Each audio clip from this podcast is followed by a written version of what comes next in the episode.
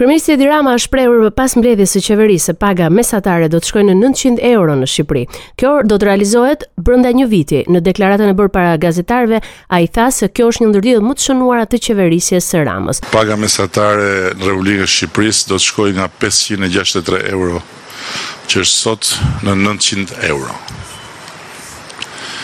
Ky është rezultat i të gjitha përpjekjeve, reformave, punëve të bëra për të ardhur në ditën që ta krijojmë këtë mundësi për shpinë tonë të përbashkët dhe të mund të rishpërndajmë të ardhurat aty ku edhe me shumë të drejtë Familjet e zakonshme shqiptare presin më shumë se sa në çdo gjë tjetër në arkën e buxheteve të tyre. Është shumë e rëndësishme për ne që të konstatojmë sot se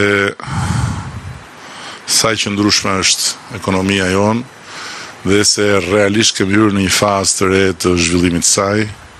Pavarësisht të gjitha peripecive, pengesave dhe goditjeve të jashtëzakonshme që Shqipëria ka marrë dhe shqiptarët kanë marrë në vazhdën e disa krizave rresht. Kryeministri theksoi se ekonomia e Shqipërisë është e qëndrueshme dhe ka hyrë në një fazë të re të zhvillimit të saj. Pas mbledhjes, ai ka komunikuar rritjen e pagave për një sërë profesionesh. Sipas Ramës, kjo reformë e qeverisë do të zhvillohet në dy hapa. Faza e parë është tani me rritjen e pagave për mësuesit, punonjësit e sektorit të sigurisë, mjekët dhe infermierët, ndërsa pjesa tjetër do të paguhen më shumë vitin e ardhshëm. Megjithatë, kjo prek vetëm sektorin publik. Sipas Ramës, sipërmarrja private duhet të vihet në alarm dhe të ndryshojë qasjen. Ai theksoi se Shqipëria është në një fazë të re ekonomike dhe sociale.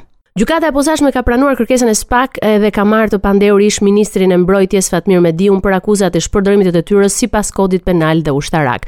Gjithashtu, gjykata pranoi edhe kërkesën e avokatëve të Mediut për ta gjykuar atë me procedurë të shkurtuar, që do të thotë se nëse shpallet fajtor, ai do të përfitojë ulje të dënimit. Si palë në proces me kërkesë të vetë prokurorisë nuk u pranuan familjarët e viktimave në shpërthimin e Gërdecit, çka u konsiderua një shkelje të procedurës nga avokati i tyre, Dorian Matlija. Spak thotë se nga hetimet rezultoi se Fatmir Mediu në bashkëpunim me zyrtarë të tjerë të ministrisë dhe persona që kanë pasur cilësinë e ushtarakut kanë nxjerrë aktet nënligjore në kundërshtim me ligjin, të cilat kanë favorizuar kompanitë që kryenin procesin e demontimit në fabrikën e Gërdecit. Por ish-ministri pretendon pafajësi duke argumentuar se me të njëjtat akte nënligjore demontimi ishte kryer dhe vijoi të kryhej edhe pas tragjedisë. Mediu është shprehur më herët se procesi ndaj tij është i motivuar politikisht.